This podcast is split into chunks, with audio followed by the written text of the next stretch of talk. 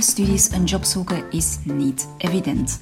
Maar gelukkig is daar gedragseconoom Jos Akkermans, die je tips en tricks geeft om jouw employability te optimaliseren. Hoe krijg jij je eerste baan? Dit is de Universiteit van Vlaanderen.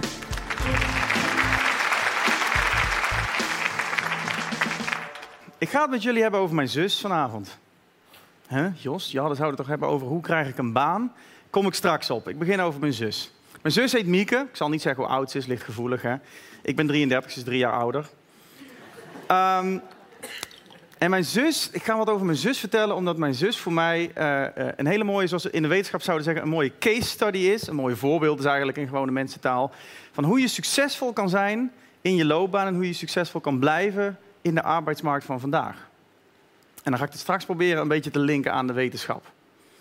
Nou, mijn zus Mieke is uh, uh, docent lichamelijke opvoeding binnen het speciaal basisonderwijs. Behoorlijk pittige uh, taak. en dat wist ze eigenlijk al heel vroeg dat ze dat wilde worden. Ze had twee passies namelijk toen ze de VWO deed. Namelijk sporten en dansen. Nou, daar kan je een aantal dingen doen. Je kan de danswereld ingaan, maar die is extreem competitief. Vond ze niet zo leuk. Dus wat heeft ze gedaan? Ze ging sporthogeschool doen, ALO, in Tilburg. Een paar jaar later studeerde ze af aan de ALO. Ze doet het nog steeds, maar in al die jaren is ze niet stil blijven staan. Ze is niet achterover gaan hangen en denken: ik heb een mooie ALO-opleiding, ik ben eh, set for life. Ze is steeds blijven sleutelen aan haar loopbaan om het bij haar te laten passen en om nieuwe uitdagingen te vinden. Vraag je aan jullie: wie heeft er hier een baan? Gelukkig, we zijn allemaal nog wakker. Bijna iedereen. Hoe heb je je eerste baan gevonden? Uh, door een vriend aanbevolen en uh, zo Kijk. aangenomen. Oké, dus, dus netwerken. Ja. Vriend, vriend heeft je aanbevolen. Uh, jullie hadden ook allemaal een baan? Even kijken hoor, ik kijk even daar naar die man in het midden. Hoe lang denk je je huidige baan nog te doen? Een jaar of twee. En, en van, waar, van waar een jaar of twee? Waarom niet een jaar of twintig?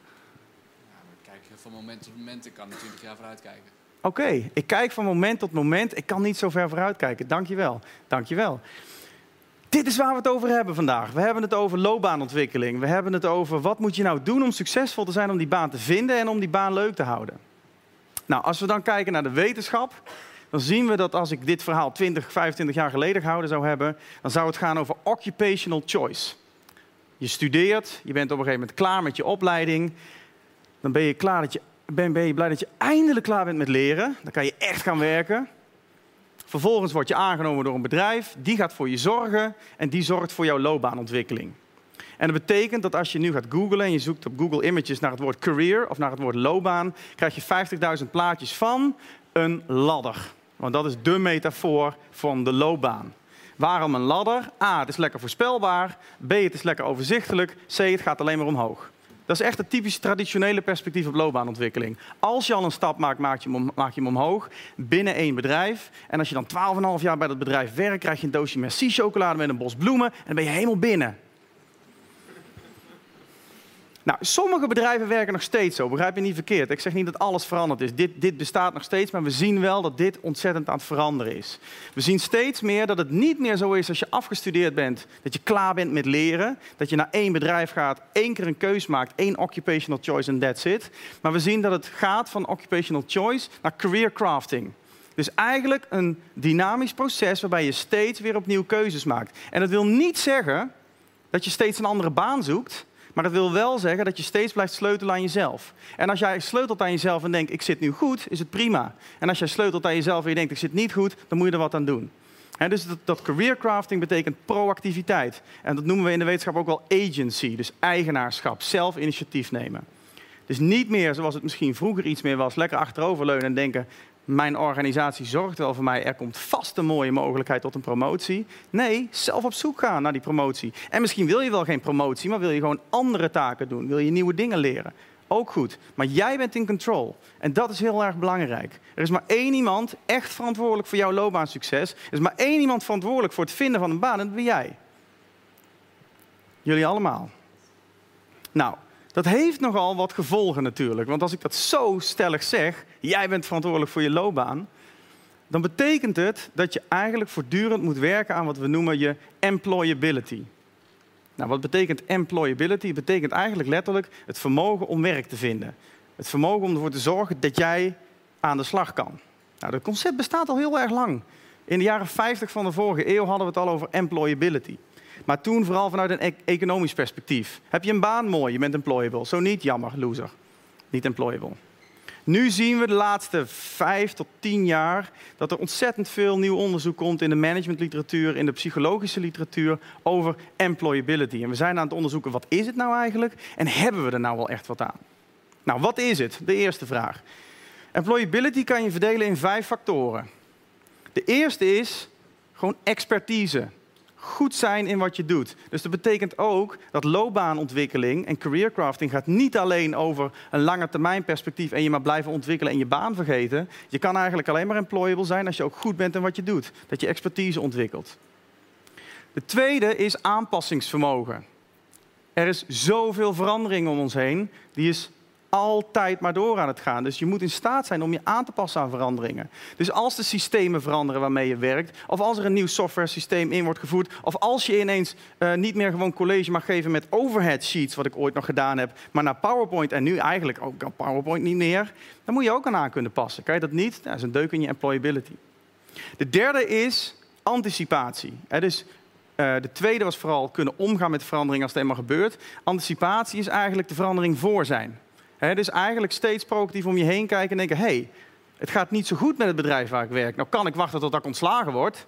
En het is mooi als ik aanpassingsvermogen heb en daar goed mee omga. Maar kan ook eens kijken van, hey, kan ik niet wat lijntjes uitgooien voor mogelijkheden buiten dit bedrijf? Of in ieder geval even checken bij mijn manager of mijn baan wel veilig is. Ja, dus het eigenlijk voor zijn, proactiviteit. De vierde is uh, wat we noemen corporate sense. Dus eigenlijk een beetje snappen hoe de hazen lopen binnen een bedrijf. Een beetje doorhebben van hoe, hoe lopen de processen hier? Wat is de cultuur? Wat moet ik doen om mezelf te blijven ontwikkelen? En de laatste, en die is ook heel belangrijk, is balans. Balans tussen werk-privé, maar ook balans binnen de taken die je doet. Dus eigenlijk in het algemeen een balans vinden. En dat betekent dus dat employable worden niet alleen maar meer, meer, meer, meer is. Want als je alleen maar meer, meer, meer, meer doet, zit je thuis met een burn-out. En dat wil je niet. Dus employable zijn en aan je employability werken is ook nee kunnen zeggen. Is ook prioriteiten kunnen stellen. En kunnen nadenken, waar ligt mijn balans? En wat moet ik dan nu wel en wat moet ik niet doen? En dat is niet makkelijk, maar als je dat kan, draagt het wel direct bij aan je employability. Hebben we dan wat aan employability? Gelukkig wel. Er zijn ook veldstudies gedaan de laatste jaren die onderzocht hebben van nou, waar leidt dat nou toe, hè, employability? Als je employable bent, wat gebeurt er dan? Nou, wat we in ieder geval zien is, employability draagt bij aan loopbaansucces, dat is fijn.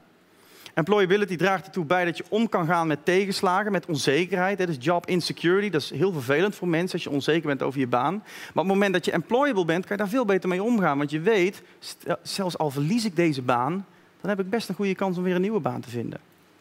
En we zien ook dat employability bijdraagt aan het werk zelf. Dus het is niet alleen aan de loopbaan, niet alleen aan het lange termijn perspectief, maar mensen gaan er gewoon meer bevlogen van worden, gaan beter presteren in hun werk. Dus het heeft zijn waarde inmiddels echt wel bewezen. Oké, hoe vind je je eerste baan? Zorg dat je employable wordt. Klinkt simpel. Maar hoe word je dan employable? Heb ik ook een antwoord op. Dat is mooi, hè? Helpt hopelijk. Nou, weet je, ja, ik kan er een uur over praten, ik kan er een dag over praten. Ik zoom in op één onderwerp, want daar heb ik zelf toevallig heel veel onderzoek naar gedaan. En dat is het ontwikkelen van je loopbaancompetenties. Wat zijn loopbaancompetenties dan weer, Jos? Loopbaancompetenties zijn kennis, vaardigheden die je helpen om je loopbaan steeds proactief vorm te blijven geven. Dus die, die eigenlijk ondersteunen bij het careercraften, so to speak.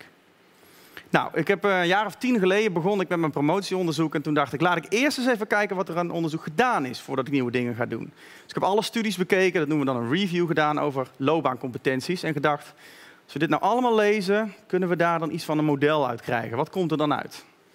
En we vonden dat er eigenlijk drie typen loopbaancompetenties zijn. De eerste zijn reflectieve loopbaancompetenties. Sommige mensen krijgen er rillingen van, maar ze zijn superbelangrijk. De tweede zijn communicatieve competenties. Ja, ik werd aanbevolen door een vriend, bijvoorbeeld. Hè? Dus kunnen netwerken. En de derde zijn gedragsmatige loopbaancompetenties. De eerste, reflectieve loopbaancompetenties. Wat zijn dat dan? Ten eerste, goed weten wie je bent, waar je voor staat, wat je belangrijk vindt. Waar word je nou blij van als je ochtends wakker wordt? Wat zijn de dingen in je werk of in je studie, als je nog in die fase bent waarvan je denkt, yes, hier, hier word ik door getriggerd, hier word ik blij van. Dat is belangrijk om dat te weten, want dat linkt ook aan wat je dan moet doen en hoe je werk bij je past. Maar ook weten waar je kwaliteiten liggen, waar je uitdagingen liggen en misschien wel waar je beperkingen liggen. En op basis daarvan kijken, oké, als dit mijn skills zijn, wat voor werk zou daar dan bij passen? En wat voor organisatie zou ik voor willen werken? Dat is reflectief. De tweede is communicatief. Netwerken bijvoorbeeld. Hè? En dat is bewustzijn van je netwerk. Nou ja, als je jullie hebben vast allemaal wel een LinkedIn-account. Dan zie je, je hebt zo'n primary account en een secondary account. En die is al 25 keer groter dan je primary account. Dus je, je kent veel meer mensen dan je denkt. En dat kan via LinkedIn, maar het kan ook ouderwets langs het voetbalveld om eens te kijken of die kennis van een kennis niet iets voor je kan betekenen. Netwerk is één, zelfprofilering is de tweede. Het is fantastisch dat je goed kan reflecteren, dat je overal hartstikke in uitmunt, maar kan je het ook laten zien. dus als jij een eh, sollicitatiegesprek hebt, weet je dan ook mensen te overtuigen. En de derde zijn de gedragsmatige loopbaancompetenties. En dat heeft te maken met plannen, doelen stellen en ook met exploreren. Dus opnieuw komt daar die proactiviteit naar voren. niet achterover zitten en wachten tot die kans op je afkomt, maar actief op zoek gaan van, goh, zijn er binnen dit bedrijf nog ontwikkelingsmogelijkheden voor mij? Of is er misschien een andere baan waar ik naartoe wil? Loopbaancompetenties. Oké, maar wat heb je dan aan die loopbaancompetenties, Jos? De eerste, heel fijn, het hangt samen met employability. Dus je wordt meer employable als je je loopbaancompetenties ontwikkelt. We hebben dat ook laten zien in een, in een interventiestudie. Dus we hadden een training ontwikkeld die er specifiek op gericht was om loopbaancompetenties te versterken bij jonge mensen. En wat vonden we? Het leidde ook tot hogere levels van employability. Ja, dus werken aan je loopbaancompetenties verhoogt je employability. Het verhoogt ook je loopbaansucces, dus dat is fijn. Maar we zien ook hier weer dat het ook leidt tot betere werkuitkomsten. En dat hadden we eigenlijk tien jaar geleden helemaal niet verwacht. Want het was loopbaancompetenties stond echt in de loopbaanliteratuur en niet meer in de, in de werkliteratuur, dus in de psychologieliteratuur. Maar wat we zien is dat als je werkt aan je loopbaancompetenties, dat dat over het algemeen ertoe leidt dat je meer bevlogen wordt in je werk. Dat je meer tevreden bent met je werk en dat je daardoor uiteindelijk gewoon beter gaat presteren. Dus dat was in eerste instantie een hele onverwachte ja, meevaller eigenlijk van het onderzoek dat we deden. En nu zien we het steeds weer bij jongeren, bij ouderen, bij laagopgeleiden, bij hoogopgeleiden. Dus het wordt nu echt wel een bevinding waarvan we zeggen, nou, het lijkt erop dat dit wel een beetje zo is. Ik zie sommige mensen nu een beetje fronsen van, ah, fantastisch verhaal, zelfsturing, agency, geweldig. Ik word employable, ik heb een baan. Maar Jos, je vergeet één heel belangrijk ding, de context. Want onze loopbaan speelt zich niet in puur isolement af. Er zijn altijd bedrijven waar we mee werken, of mensen die ons betalen voor projecten die we doen. We hebben families, we hebben collega's. Dus is het niet een beetje idealistisch om te zeggen alles hangt van jezelf af? Uh, ja, dat klopt, dat is het ook. Als je kijkt in de wetenschappelijke literatuur over, over loopbanen van de laatste 20 jaar, uh, dan is eigenlijk alles op het individu gericht. Voor 1994 was alles op de organisatie gericht. Organizational Career Management. Het bedrijf zorgt voor het individu. Sinds 1994, toen de eerste studie van Michael Arthur uh, verscheen over de boundaryless career, de grenzeloze loopbaan, is eigenlijk alles gericht op het individu. Uh, ik heb net een, net een review-studie afgerond waarin we gekeken hebben naar loopbaanonderzoek, gepubliceerd loopbaanonderzoek in de laatste vijf jaar. Wat zijn nou de trending topics? Hè? Waar wordt het meest over geschreven? Wat vonden we? Het gaat over hoe manage ik mijn loopbaansucces? Hoe manage ik mijn mobiliteit? Hoe manage ik mijn gezondheid? Hoe manage ik, oftewel ik, ik, ik, ik. Allemaal individueel. Wat kan ik doen aan zelfsturing? Maar dan mis je natuurlijk wel een heel belangrijk stuk en dat is de context. Want een loopbaan is niet altijd helemaal voorspelbaar.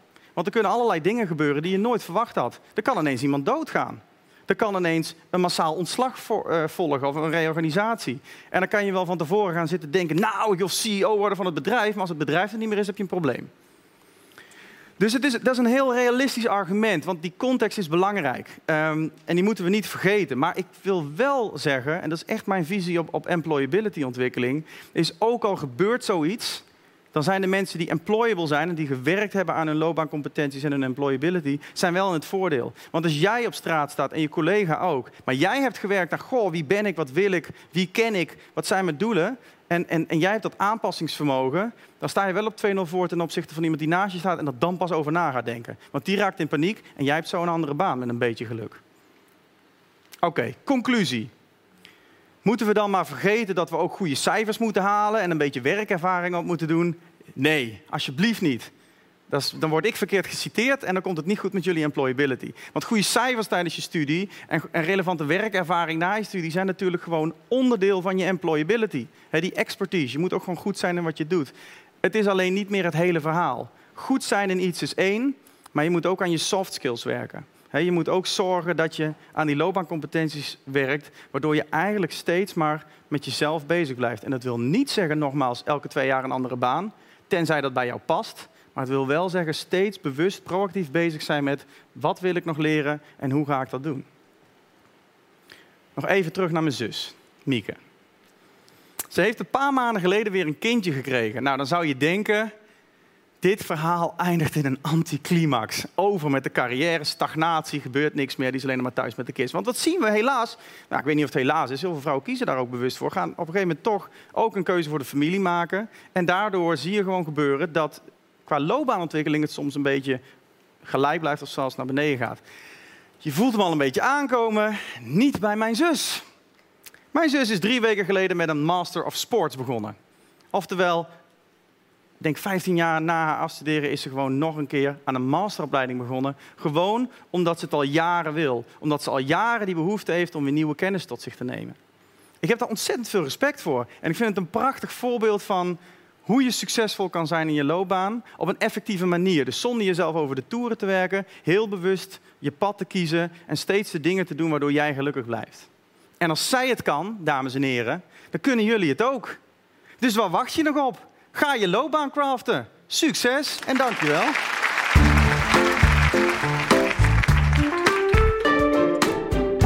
Ben je geïnspireerd door onze podcast? Heb je een onderwerp of spreker in gedachten die zeker niet aan onze verzameling mag ontbreken? Stuur je suggesties door naar info.universiteitvanvlaanderen.be.